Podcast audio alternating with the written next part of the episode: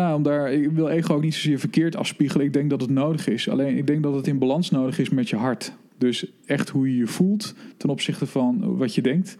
Dat je dat altijd in balans houdt. En dat je wel de kern van je zijn houdt vanuit het hart en niet vanuit je hoofd. Ik denk dat het dan goed gaat komen. Open Business Leaders heeft als missie de grootste versneller van vooruitgang te zijn door het verbinden van mensen met impact. Hun leden zijn niet alleen CEO's van grote en middelgrote organisaties, maar ook de thought leaders, universiteiten en start-up accelerators die voor deze CEO's relevant zijn. Ik ben Jelle Drijver en in deze podcast ga ik in gesprek met de director van Open Business Leaders, Jos Slootstra. We gaan het hebben over ondernemen, fouten maken, je ego, luisteren naar je hoofd of hart, mensen motiveren, werken in loondienst of als ondernemer of als ondernemer op de loonlijst. Want dat kan natuurlijk ook. Deze aflevering is te beluisteren via iTunes, Stitcher en de app van BNR Nieuwsradio. Ook is hij te bekijken via jelledrijver.nl slash Jos of op mijn YouTube kanaal. Op alle genoemde platformen kun je een abonnement nemen op mijn interviews. Doe dat vooral als je het leuk vindt wat ik maak en als je niks wil missen natuurlijk. Weet je wat ik nou heel erg leuk zou vinden? Als jij eens op iTunes laat weten dat je deze podcast waardeert door een 5 sterren rating te geven. Zo kom ik namelijk in iTunes nog hoger in de zoekresultaten en help je anderen deze podcast ook te ontdekken. Super bedankt alvast voor iedereen die dat al gedaan heeft en voor iedereen die dat vanaf nu gaat doen. Dan nu in gesprek met een man die op zijn 14e begon met het organiseren van feesten. Jos, Yes. welkom bij mij op Dankjewel. kantoor. Dankjewel. We hebben een tijdje geleden eens een keer zitten kletsen hier, ook hier. En toen zeiden we, eigenlijk Ja. moeten we eens een keer eh, met elkaar in gesprek, maar dan met de microfoon en de camera eh, erbij. Want ik wilde wel eens meer horen over wat je nou precies doet. En vertel, want wat is nou precies jouw achtergrond en wat doe je nu? Ja, mijn achtergrond is eigenlijk eh, een heel lang verhaal. Ja, doe maar. eh, wat, altijd knippen. Wat, wat misschien leuk is om gewoon te vertellen is... ik kom uit een ondernemersfamilie. Altijd in de meubelen gezeten. En ehm, omdat je daar dan in opgroeit... word je misschien jong al een beetje geprikkeld door... van joh, wat ga je nou zelf eens doen? Dus ehm, ja, op, eh, op mijn veertiende en misschien nog wel iets eerder... maar laten we maar vanaf mijn veertiende beginnen. Al, eh, nou, wat jij nu misschien een beetje doet... eh, kwam ik een beetje... Ik kwam op een korfbalvereniging. Ik korfbalde helemaal niet. Ik zat zelf toen volgens mij op tennis en volleybal. En ehm, die vroeg aan mij, Jos, kun je, weet je iemand die een leuk feestje kan organiseren? Nou, ik zeg, eh, geen idee, maar eh, hartstikke leuk feestje. En eh, hoezo? Nou ja, nou, we willen een feestje doen met de korfbalvereniging. En we hebben duizend gulden. En weet je iemand? Ik zeg, nou, geef mij die duizend gulden maar.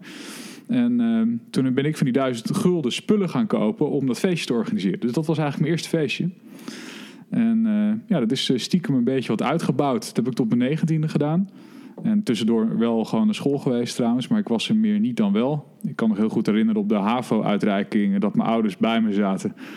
En eh, dat toen de, volgens mij de rector of conrector, noem je die mensen, die eh, stond op het podium en die zei van ja, Jos Slootstra, hier is je diploma. Maar eh, ik heb je eigenlijk nog nooit gezien. Dus toen keken mijn ouders mij een beetje kwaad aan van... Potverdikkie, eh waar was jij al die tijd? Maar toen zei ik, nou ik heb mijn diploma, toch? Ja. Dus, eh, Dat lijkt me de voorwaarde. dus eh, dat was een belangrijk maar jij was feestjes aan het organiseren. Dat heb je van je 14e tot je 19e gedaan, dus dat Ja. doe je nu niet meer. Nee. Je bent na je 19e, ben je wat gaan doen? Want je had je diploma en toen. Nou ja, ik, waarom ik het niet meer heb, dat is een wat minder leuk verhaal. Ik, omdat ik altijd meeging, en zo vaak was het nou ook weer niet, maar ik ging heel vaak mee als er feestjes waren. Eh, zat ik altijd dicht bij de boksen, want dat was nou eenmaal stoer. En daardoor heb ik eh tinnitus eh, gekregen. En, eh, ja, een zuis in je oren. Oh, die, continu altijd hoort. Die je continu altijd hoort, die niet meer weggaat. Oh, ja, daar man. hebben wel meerdere mensen last van. Maar ja, was voor mij echt toen een levensbederver. en, Ja, kan ja, ik me niet zo voorstellen. Want ik heb volgens mij, hoe heet die, laatste bij, bij Chantal gaat slapen of zo. Ja. Eh, een van die, eh, ik weet niet meer bij wie, maar ze was bij iemand aan het slapen. Fred van Leer volgens mij. Die heeft het ook zo'n constante piep. ja. Ik zou er helemaal gek van worden. Je hebt wel eens een dag na een feestje dat je zo'n piep in je oren hebt. Ja, maar nou, bij jou die ging het niet meer weg. Eh, nou ja, goed. En ik wel- vond het een beetje normaal. Want ik had elke week of om de week wel een feestje. En toen zei ik tegen mezelf... Ah joh, Jos, dat, dat, maar die, goed. die, die ruis die gaat al weg. Maar op een gegeven moment ging hij niet meer weg. Nou, en dan gaat stort... Tenminste, mijn, mijn wereld stort wel even in. Dat is bij jou aan de linkerkant. Eh, rechts en links een beetje. Oh man. Ja, dus ik zit misschien daarom ook zo. Nou ja, dat Ja, eh, kan ik je ja. eh, nog een beetje verstaan. Maar toen ben ik... eh, mijn neven waren toen ook afgestudeerd. Die waren iets ouder. En die zeiden van... eh, nou, laten we gewoon eh, wegvluchten naar Amerika. Dus toen ben ik eh, nou, een tijd in Amerika geweest met hun. En een rondreis tijd? gemaakt. Ja, ik, eh, volgens mij was het een kleine drie maanden uiteindelijk Oké. zijn we geweest. Lekker zijn we hoor. geweest. Dus dat was echt even voor mij een hoofdleegmaker van, joh, eh, wat gaan we nou doen? En ik was helemaal geen fan eigenlijk van de natuur. Ik wil heel graag naar Amerika voor Las Vegas. Maar eh, mijn neven hebben me gewoon meegenomen naar, eh, naar Yellowstone. Dat is een heel Ja, mooi ja, ja. groot park daar. Met Yogi Bear vandaan, toch? Ja, ja, inderdaad. Dus ik moest 's ochtends beren gaan zoeken. Nou, als ik ergens geen zin in had, was het beren zoeken. Want ik wilde gewoon lekker uitslapen. Maar eh, waarom ik het zo terughaalde, dat was wel een mooi moment dat, dat ik naar mezelf echt moest kijken. Van joh, oké, je, hebt, je hebt gave dingen gedaan. Tenminste, ik vond dat ik hele leuke dingen had gedaan op mijn 19e. Mijn passie vooral gevolgd had. Ik had helemaal niet door dat het eh, ging, maar het ging gewoon. En ja, moest ik toch iets anders gaan doen wat niet meer mijn passie was of zo. Dus dat was wel eng. En eh, toen is ook toch eigenlijk begonnen van, joh, wat wil je dan echt? Wat ga je dan doen en hoe ga je dat dan doen? Nou, toen heb ik, eh, omdat ik als jong ondernemer bij de Rabobank betrokken was, ben ik daar eerst even een jaartje wat dingetjes gaan doen. Ik heb ook, Hoe, was je dan bij de Rabobank betrokken als jong ondernemer? nou, ik was natuurlijk 14, uiteindelijk 15 toen dat een beetje ging lopen. Feestjes, ja. Met feestjes. En dat was allemaal natuurlijk een beetje half om half. En eh, op een gegeven moment vroeg de Rabobank... nou, we gaan een jongerenraad oprichten. Dus voor jonge mensen in de omgeving... die wel iets vinden van nou, de, de omgeving... en hoe gaan we jongeren betrekken bij de bank... Eh, hoe gaan we mensen sowieso trikken om naar onze bank nog toe te komen? Want we hebben het moeilijk. Ja. Dat was ook voor crisis toen. En toen hebben ze mij gevraagd om gewoon erbij te komen als, als een, een lid. Om Ja. te kijken van hoe gaan we nou die omgeving versterken. Nou, en zodoende ook, daar zit je vaak te vergaderen met, een direct, met de directie. Zit je te vergaderen met de raad van commissarissen. En toen dacht ik mij van zo, dat is leuk. Dat is leuk. Je wat voelde je wel thuis in dat, eh, in dat, in, in Ja, dat dat, was, eh, dat ging wel prettig, ja. En ehm, op een gegeven moment zochten ze daar een voorzitter. Was ik 17, 18. Nou, toen stak ik heel voorzichtig. Want ik stak echt niet zo mijn hand op. Maar ik stak heel voorzichtig mijn hand op. Want mag ik het misschien proberen? Nou, toen mocht ik het proberen. En daar heb ik heel veel van geleerd. Ook omdat je natuurlijk met de oude rotten uit het vak... Ja, daar gewoon mee mag zitten. En alleen daarmee mag zitten vond ik al een hele mooie ervaring. Ja, nou is natuurlijk de vraag die dan voor de hand ligt. Als je nu terugkijkt op die tijd, wat heb je dan, noem eens een les, wat heb je geleerd van die oude rotten? Wat neem je, wat neem je mee, wat je nog steeds, nou ja, niet dagelijks, maar waar je regelmatig aan denkt, dat komt nog steeds van pas. Eh, dat eh, cultuur van een bedrijf voorgaat op het resultaat. Een van de hele belangrijke lessen die ik daar al heb mogen, mogen zien. Letterlijk. Oké. En mogen leren. Ja. ja, ja. Goed. En toen, wat ben je toen gaan doen? Want Nou ja, het is natuurlijk leuk dat je dat leuk vindt. Maar ja, je bent natuurlijk niet morgen in een directie of inderdaad voor commissarissen. Eh, maar ik merkte wel dat, als je het hebt over passie, misschien was het toen nog mijn passie niet, maar op een of andere manier stroomde die energie gewoon wel lekker als ik met hun zat. En de discussies die we hadden, nou, het eerste half jaar niet, maar daarna eh, werd het toch wel op een soort van nou, spanningsniveau in de zin van mij als junior disruptor, om even zo te zeggen, eh, was dat gewoon een leuk sparringsgesprek. En ik, ja, daar wil ik toch wel iets mee gaan doen. Maar waar dan? En op een gegeven moment eh, deden we met KPN een eh, pilot voor de Rabobank met een sms-bevestiging. Ja, het, het- het- maar, toen wacht was- even, want je zegt al, we deden met KPN iets met de Rabobank. Dus je zat op een gegeven moment ja, bij KPN. ik, op een gegeven moment zat ik inderdaad bij KPN. Het, is, eh, inderdaad, het voelt nog een beetje als we, het groene hart. Hè? Het gaat, Ja. het, het gaat langzaam. Je bent, weg, Want je bent begonnen in een belwinkel en binnen no time was je manager van die winkel. Binnen Ja. no time was je regiomanager. Ja. En toen ben ik allemaal bij, K- bij de KPN-winkels. Ja, dat is allemaal bij KPN-winkels Ja. gebeurd. En omdat het in no time ging, ik was natuurlijk altijd een beetje een vreemde eend in de buit, omdat ik toen vooral heel erg jong was. Tenminste, dat voelde ik ook zelfs. Ik ben echt veel te jong om dit te doen. Maar op een gegeven moment laat je dat wel los. Dat, dat duurde twee jaar hoor. Dat was echt niet meteen. En toen eh, was ik regiomanager. En wat daar gebeurd is misschien ook wel leuk om te vertellen. Want er waren toen acht regio's. We hadden toen echt de slechtste regio. Dat was de achtste. En als je het hebt over cultuur, waar we het net over hadden. Dat was, jongens, hoe gaan we nou eerste worden? En dat was mijn vraag naar eigenlijk alle mensen die in die regio zaten. En zegt, nou, dat moeten we dan met elkaar gaan bespreken. Toen hebben ze zelf in Zutphen, ik weet het nog goed, een kroeg gehuurd. Om gewoon met een biertje s'avonds dat te gaan bespreken. Dus het hele management, dus niet alle medewerkers, maar het hele management. En eh, daar is een heel mooi plan uitgekomen. En anderhalf jaar later, heeft anderhalf jaar geduurd, we hebben met elkaar, om dat verhaal niet al te lang te maken, zijn ze eerste geworden. Leuk dat het op resultaat was. Dus het was, ja, het was op sales met eh, Anthony Verbeek, als je ooit een keer kijkt, 0,01%. Sorry daarvoor. Anthony was altijd eh, de eerste regio. Ehm, Je hebt met 0,01% Ja, gewonnen. ja, dat maar ja, was je echt- hebt gewonnen. dat was ja, echt- winnen is winnen. Dat was echt een inch over a mile, winning Ja. is winning. Maar dat was echt, eh, ja, dat was een kantje bord. Dat hebben we ook weer gevierd trouwens in dezelfde kroeg. Anderhalf jaar later, dus dat was grappig. Maar wat ik vooral prachtig vond, is dat ik daar de mensen die altijd gewoon de slechtste waren, dat waren ze echt best wel lang. Eh, met alle medewerkers, alle managers hebben ze uitgenodigd in Apeldoorn, Van der Valk. Met eh, ook, eh, je mocht ook partner meenemen. En daar hebben we gewoon een heel gaaf feest gehouden met z'n allen. Maar ook kon je goed. getraind. Je jarenlang daarom. Ja. Dus dat was, dat, was, dat was een heel mooi moment uit die tijd. Maar wat ik vooral ook heel mooi vond, is dat ze allemaal blij waren, tevreden waren en iets geleerd hadden van zichzelf. Want je kan alleen maar als je naar jezelf kijkt groeien en niet andersom. Nou, op dat moment, nou, blijkbaar viel ik op bij uh, toen uh, toenmalige directeur van uh, KPN. En toen ben ik gevraagd om de XL-formule op te gaan zetten in de operatie. Samen met een directrice, Gabrielle Maaienburg. hi Gabrielle, als je kijkt. Dat was een leuke tijd. Shout-outs. ja, precies. Pam. Um, en dat hebben we 4,5 jaar. Ik zit altijd met tijd ben ik slecht. Ik hou namelijk helemaal niet van tijd. Dus 4,5 jaar volgens mij gedaan. En uh, dat mochten we opzetten van scratch. Dat was een nieuwe formule die alles moest uitdragen wat KPN inhield. Dus niet alleen een callcentertje, niet alleen winkels, niet alleen een serviceplatform. Alles bij elkaar in één winkel.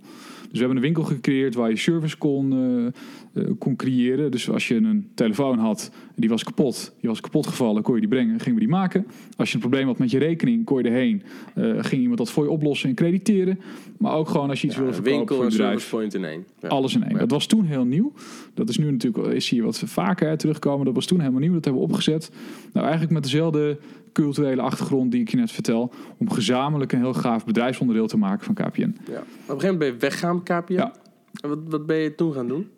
Nou, een zoektocht ook nou, misschien het tweede, derde kruispunt alweer voor jezelf. Ik noem die kruispunten maar even in mijn leven.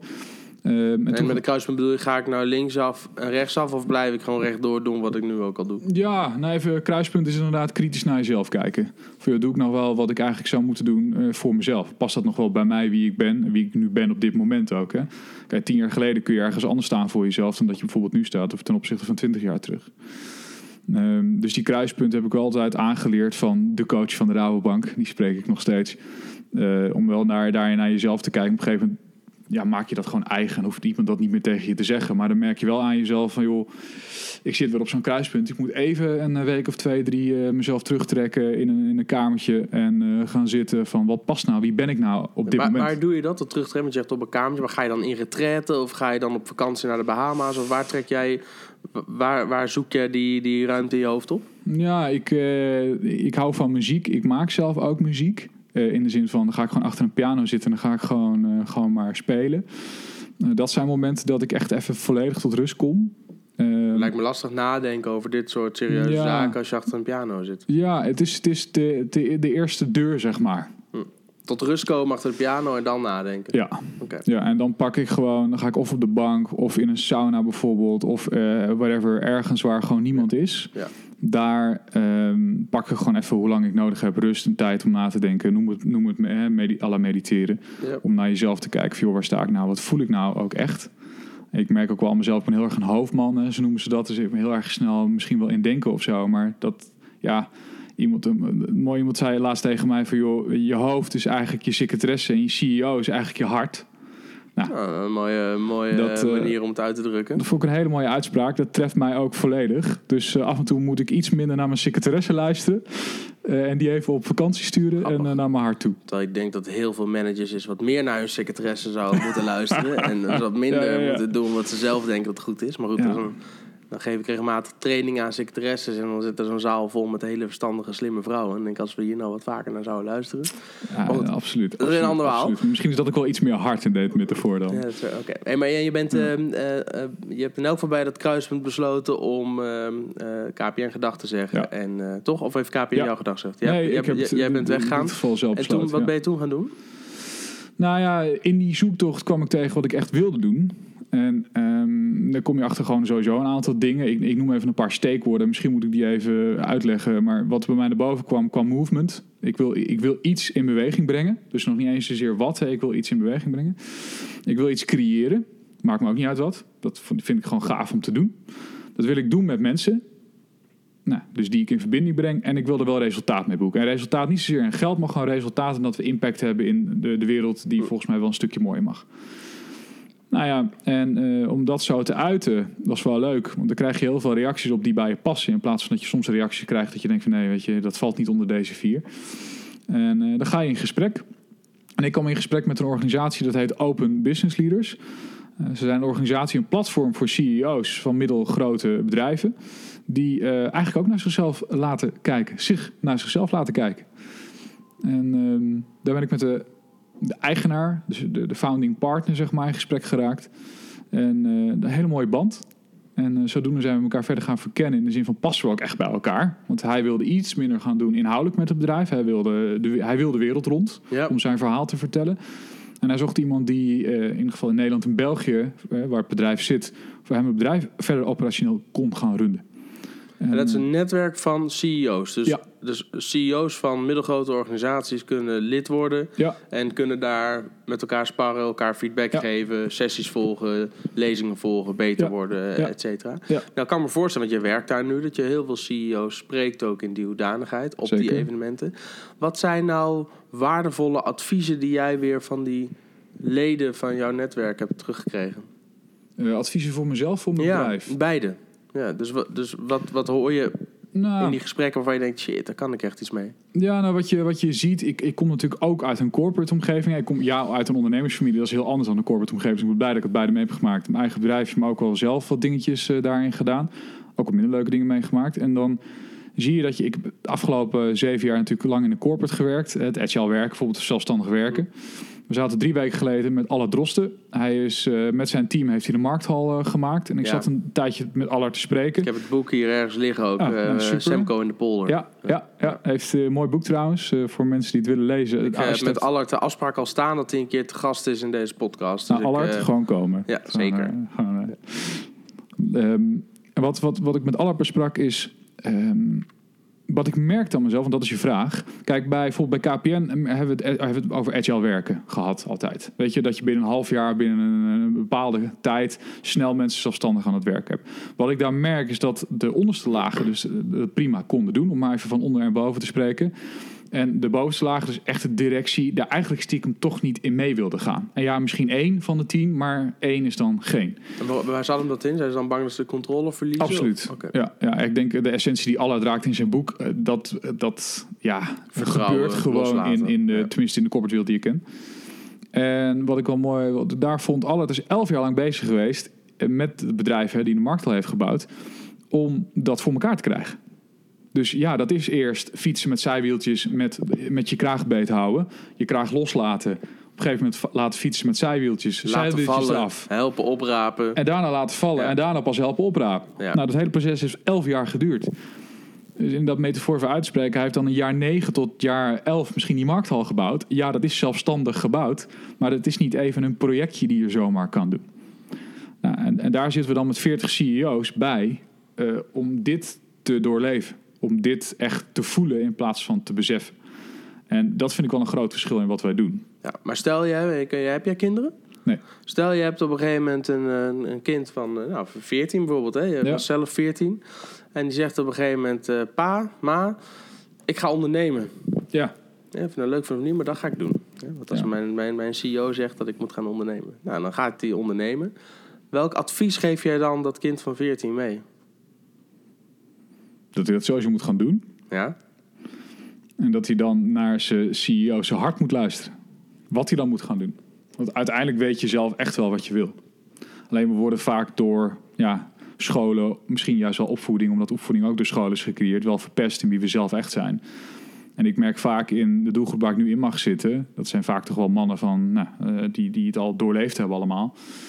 Ja, die kijken dan pas naar zichzelf. Dat je bij jezelf wel eens denkt van waarom kijken we niet veel eerder naar onszelf. Hè? Dus ik zou tegen die jongen van 14 zeggen, of tegen die dame van 14, van kijk, kijk dan in je hart. En wat zegt je hart dan? En ga dat vooral doen. Ehm, wordt de schapen herder in plaats van het schaap, misschien wel dat metafoor. Ja, het voelde jij op een gegeven moment een schaap in de corporate omgeving? Want je bent nu Ja. ook... Je, ben je partner of ben je eh, in dienst bij... Ik ben in dienst. Maar je eh, voelt je ondernemer op de loonlijst? ja. Ja. Ga jij zelf nog een keer ondernemen? Eh, weet ik nog niet. Waar, ik waar denk, hangt ik, vanaf? ik, ik, ja, hangt er vanaf. Het hangt van de juiste, ook weer het juiste gevoel af. Dus ja, ik merk dat ik ehm, nu best wel ook per dag erin zit. Ik, ik keek eerst misschien wel eens tien jaar vooruit. Ik merk nu dat ik gewoon meer aan het leven ben. Dus dat betekent ook dat, ik zeg al meer nog niet helemaal. Eh, dat betekent ook dat ik niet zoiets heb van ik wil over vijf jaar weer ondernemen. Ik wil over tien jaar misschien wel ondernemen. Kijk, als er morgen iets op mijn pad zou kunnen komen zou en dat dat kunnen. voelt goed, Ja. dan zou dat kunnen. ja, niks ligt vast. Nee. Heerlijk is dat. Ja. Ja. Dat is best wel fijn, ja. Ja. ik heb dat ook. Ik zou echt niet weten. Ik, zou niet eens, ik, ik weet alleen dat ik eh, volgend jaar en over vijf jaar nog, eh, nog steeds een, een gelukkige vader wil zijn met een fijn gezin. Ehm, En, eh, en, maar waar we wonen en wat ik op dat moment doe en zo, dat, is, dat zien we dat. Eh, eerst maar zien dat we er over vijf jaar nog zijn. Ja, precies. En dan, eh, ja. Het is, eh, dus nee, dat, dat heb ik wel een beetje losgelaten. En dat voelt wel fijn of zo. ja. Eerst maak je allemaal zorgen om dingen. Van joh, kan ik mijn huis nog wel betalen als Ja, dat, ja, dat, dat, dat, is- dat, moet je niet al te duur huis nemen. Nee, precies. Tenminste, dat is een beetje mijn redenatie. Heel, ik heb ook mensen in mijn omgeving en die zitten in een soort, soort gevangenis bijna. Want als die nu iets gaan doen wat ze echt leuk zouden vinden, dan hebben ze een probleem. Want dan moeten ze hun thuis verkopen, waar de kinderen zo fijn spelen met de vriendjes, et cetera. En Ja. ja, dat is misschien heel makkelijk. We hebben ook bij elke carrière stap die we maken, maken we ineens ook alles, alle, eh, alle kosten groeien automatisch ook mee. Want daar kan een duurde huis vanaf, dus dan ga je dan ook wonen. Terwijl volgens mij als je gewoon een lekker plekje vindt waar je hartstikke happy bent. En, eh, je hoeft, en, en zorg dat ook je, je, je lasten dus niet eh, zorgen dat je tot hier in je baan zit. Ja, dan heb je veel meer ruimte en rust ook om gewoon de dingen te doen die je leuk vindt. Klopt, ik heb altijd gezegd, ik wil altijd achter de kassa van Albert Heijn zitten... en nog Ja. steeds kunnen blijven wonen waar ik woon. Ja, is toch lekker? Een hele dag Dus mensen is, spreken. eh, was grappig. Ik, had, ik, was, ik, zette, ik moest rennen met de vuilnisbak, want ik zag de vuilniswagen al één straat verderop en de bakken bij ons waren leeg, dus ik was te laat.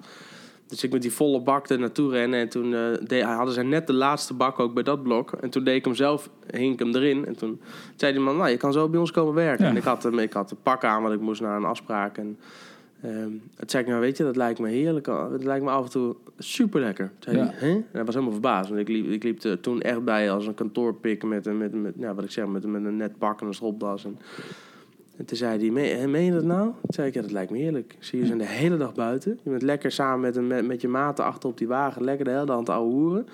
Eh, eh, af en toe heb je pech en dan regent het. En de rest van de dag eh, is het of droog of je hebt nog zon ook. ja. De hele dag een beetje fysiek bezig. Ja, het stinkt, misschien een beetje, maar... Nou, maar ja, dus- Heerlijk, dus je toch? Wel af? Ja, nou, daar was hij echt, hij was helemaal verbaasd. Terwijl ik dacht, hoe relaxed zou het zijn om dat gewoon eens af en toe te doen. Ja. Ja, kon hij zich niks voor voorstellen. En dat jij ook na een paar weken gaat vervelen, heb ik zo'n idee. Maar, eh, Ik denk dat ik na, na eh, twee weken, maar dat, weet je, dat, ja, af en toe lijkt me dat heerlijk. Ja. Dat is, maar dat is, ik, ik, ik weet niet meer met wie ik, in welk, welk interview, met welk gesprek ik dat zei. Maar ik heb, als ik 's ochtends naar kantoor ga, dan voelt dat een beetje zo. Ja, ik ga eigenlijk elke dag een beetje buiten spelen of zo. hmm. Ja. Ja, heb, ik voor grote ook. mensen. Heb ik nu ook. Ja, het is gewoon elke dag Hier. leuke dingen doen. En met, met ondernemers kletsen. En met de bezichtigingen die we doen in de, in de panden spreek ik ondernemers. En die hebben allemaal weer een ander verhaal. Ja. Ik vind het superleuk om mensen te interviewen voor de podcast. Dan hoor ik weer, ontmoet ik, ik, ontmoet ik weer nieuwe mensen. Eh, als ik eh, met mensen mee mag denken over hun marketing. Dan, eh, nee joh, ik ben elke dag dingen, dingen die ik echt, echt oprecht niet leuk vind. Waar ik een rotgevoel van krijg, die doe ik gewoon niet meer. Nou, volgens mij goed. Ja, dat denk ik ook. Dus, eh, volgens mij als je alle mensen echt zou verdelen in de zin van waar, waar je kracht zit, dan... Kijk, dat, dat is ook iets waar wij wel mee bezig zijn hè, met de Open Business Leaders. Dat je, dat je ziet dat technologie ons natuurlijk inhaalt. Hmm. En we zijn altijd, daar, daar, we hadden het net niet, niet voor niks waarschijnlijk over opvoeding en over scholing. Dan hebben we het vooral even over scholing. Op scholing wordt je natuurlijk geleerd dat inhoud heel erg belangrijk is. Je moet 100, ja, jij bent ook een boekenfan. Je moet 100 boeken lezen op inhoud. Gelukkig ben jij Ja. een boekenfan. Jij, Of lust- andere- jij leest geen boeken, toch? Nee, ik lees geen boeken. Nee. En dus ik kan het misschien ook iets makkelijker zeggen.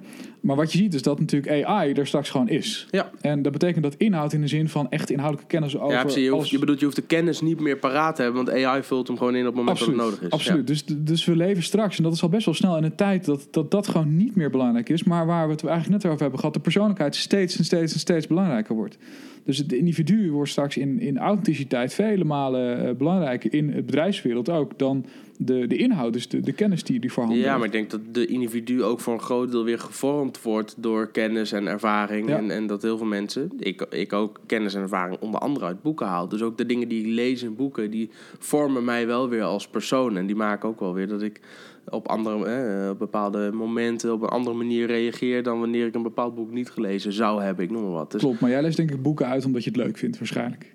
Ja, maar dat is hetzelfde. Als ik, eh, zelfs met alle, als ik een boek geen reet aan wil, leg ik hem weg. Ja, maar als we dan naar scholing kijken, hè, je moet Kotler eh, leren. Ja, Om even zo te zeggen, Ja. dat is vooral het punt wat Ja, ik nu wil maken. Ik denk dat dat straks weg bedoel is. echt puur, de puur parate kennis. Die heb je niet meer. Niet meer nodig hier. Het staat, het staat, waarom moet ik leren hoe je een daar. staartdeling moet maken als ik gewoon een fucking rekenmachine Ja, heb? exact, exact. Nee, voel precies ik wel. dat. Maar ik, was ook, ik had ook een tering enkel aan wiskunde. Ja, maar precies dat. Dus je hebt het al in een soort van zwart gat gedouwd. Maar dat, dat is volgens mij wat het is.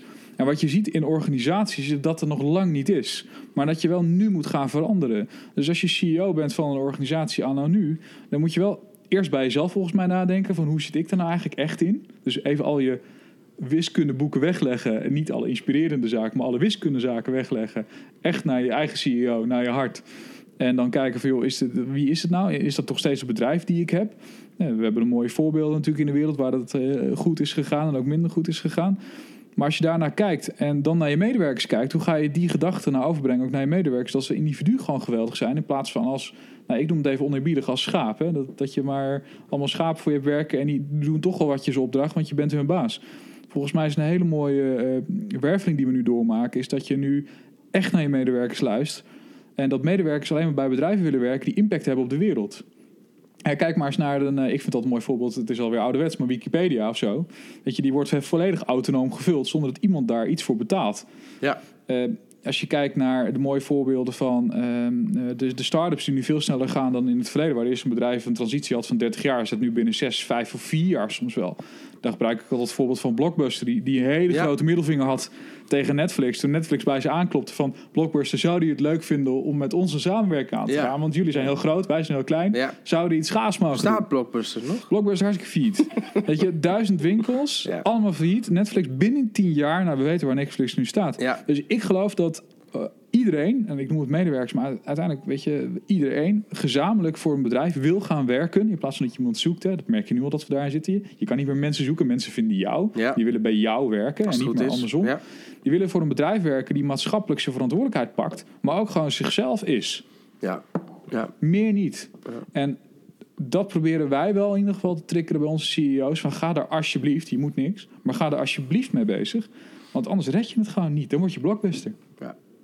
Je zei net uh, Wikipedia, dus als je denkt, wat zit die lul nou oneerbiddig op zijn telefoon te kijken? Ja, ik denk dat hij dat doet. Maar... Ja, maar ik heb het even opgezocht. Maar Jimmy Wales, en er is een, ik heb namelijk vorige week een hele leuke podcast geluisterd. Uh, en dat is sowieso, vind ik, een aanrader qua podcasten. Dus uh, How I Built This. Dat is een Amerikaanse podcast. gepresenteerd door een van de co-founders van LinkedIn, als ik me niet vergis. En op 26 februari is daar een aflevering gepubliceerd. Dat is een interview met Jimmy Wales over uh, hoe hij ooit Wikipedia is begonnen en waarom en waar ze tegenaan liepen en, enzovoort, enzovoort, enzovoort. En als we dan toch bezig zijn, wat ik ook een hele toffe, uh, verrassend leuke aflevering vond, is met de James Dyson, de uh, maker van de uh, stofzuiger, zakloze stofzuigers. Dus af en toe ook leuk om eens een keer een andere podcast tip te geven. Ik vind het natuurlijk leuk dat de mensen luisteren naar mij, maar er is nog veel meer moois te vinden. Dus de How I Built This podcast is ook echt een aanrader. Leuk. Alweer een en die heb ik, volgens mij heb ik die tip weer gekregen van Jorg Ruis. Dus, dus die heeft een keer een lijstje gemaakt met zijn favoriete podcast. Dus Jorg, mocht je dit horen, dankjewel voor de tip. Ik vind hem leuk. Ik denk dat wij inmiddels alweer... Uh, ja, wij gaan richting de, richting de 30 minuten. Dus dat betekent dat we gaan, uh, gaan afronden. Ja. Heb jij nog... Hè, ik vroeg je al, welk advies zou jij nou aan je, uh, aan, aan je zoon of dochter geven... als die zegt, ik ben 14 en ik ga ondernemen? Ja. Als jij nu terugkijkt op jezelf toen je 14 was. Mm. En je zou nu de 14-jarige Jos een advies mogen geven. Dan gok ik dat dat hetzelfde advies zou zijn. Luister naar je hart en volg dat. Maar stel dat je een ander advies zou moeten geven. Welk advies zou je de 14-jarige Jos geven? Um, op 14e zou het niet anders zijn, merk ik. Welke leeftijd zou het anders zijn? Op mijn 19e zou die anders zijn. Nou, vertel. Dan is dan hetzelfde advies. Volg je hart. Ja, maar dat mocht, mocht niet hetzelfde advies. Wel, welk, welk ander advies? Nee, maar dat jij iemand bent die vooral luistert naar wat goed voelt. En, en, en, ja. en hè, je bent vrij filosofisch. Uh, je, maar welk ander advies zou je jezelf geven? Zou je iets anders gedaan hebben, bijvoorbeeld? Nu, achteraf gezien. Nou, weet je, dat, dat is meer iets anders. Als je van tevoren weet dat het geen goede beslissing is, dan, dan moet je het niet doen. Hè? Dus en als je het toch doet, moet je ook niet zeuren als het niet goed blijkt exact, te zijn. Ja? Exact, dus dat is even hoe ik dan op dat moment in het leven zou staan. Alleen wat ik merk op mijn negentiende is dat ik toen gekozen heb voor uh, eigen ontwikkeling, maar ook mijn ego, dus mijn secretaresse, boven mijn hart heb verkozen. Hmm. Want ja, het was wel leuk om bij een grote jongen te gaan werken en bij, of bij een bank of iets anders. Dat je dan heel veel geld kan verdienen, een bepaald ego gestreeld wordt. En daarmee toch wel een soort van um, gouden ketting krijgt. Ik doe maar even een gouden ketting, maar dat bedoel ik het echt op een negatieve wijze trouwens. Ja. Dat je die omgelegd krijgt, dat dat allemaal maar normaal is. En dat, en dat creëert een soort van barrière naar je hart. Dus je hoofd neemt volledig over, omdat je ook alleen maar, tenminste ik zat in een omgeving waar ook alleen maar mensen met een hooggrote ego zaten. Dus er waren heel veel ego's omheen, dus ik vond het allemaal maar normaal. Pas toen ik eruit stapte, eh, of bij mezelf me gewoon echt ziek voelde. Op een gegeven moment, ik, ben ook, ik heb bij Speak vijf gewoon gekregen op latere leeftijd. En niet zomaar, daar geloof ik echt niet in dat het zomaar komt. Dat ik gewoon echt uit moest stappen van iets. Weet je? En eh, dus het advies om even terug te komen op je vraag wat ik mezelf zou geven. Is, dat gevoel had ik natuurlijk al wel eerder. Maar wilde, ik niet, wilde ik niet aan toegeven, omdat het ego toch best wel leuk was. Dus ego is ook iets engs. Hè? Dat je denkt van, ja, ik heb uh, die gave auto, of ik heb dat gave huis, of whatever. Of ik kan in de bar dat extra rondje geven. Wat het ook maar is, hè? wat ego is. Iedereen kan voor zichzelf dat invullen. Wat die is ego? Die is gevaarlijk. Ja, ego is dat je. Um, ik ken ego vooral van James Dyer. Die heeft een film. Um, uh, meaning, van From Ambition to Meaning. En daar die omschrijft ego als edge God out. Maar uh, wat is ego? Hoe, wat is jouw definitie van ego? Ja, om daar, ik wil ego ook niet zozeer verkeerd afspiegelen. Ik denk dat het nodig is. Alleen ik denk dat het in balans nodig is met je hart. Dus echt hoe je je voelt ten opzichte van wat je denkt. Dat je dat altijd in balans houdt. En dat je wel de kern van je zijn houdt vanuit het hart en niet vanuit je hoofd. Ik denk dat het dan goed gaat komen. Jos, dankjewel. Alsjeblieft. Ik ben Jelle Drijver en in deze podcast ga, ga uh, ik ben Jelle Drijver en in deze podcast ga ik in gesprek met direct met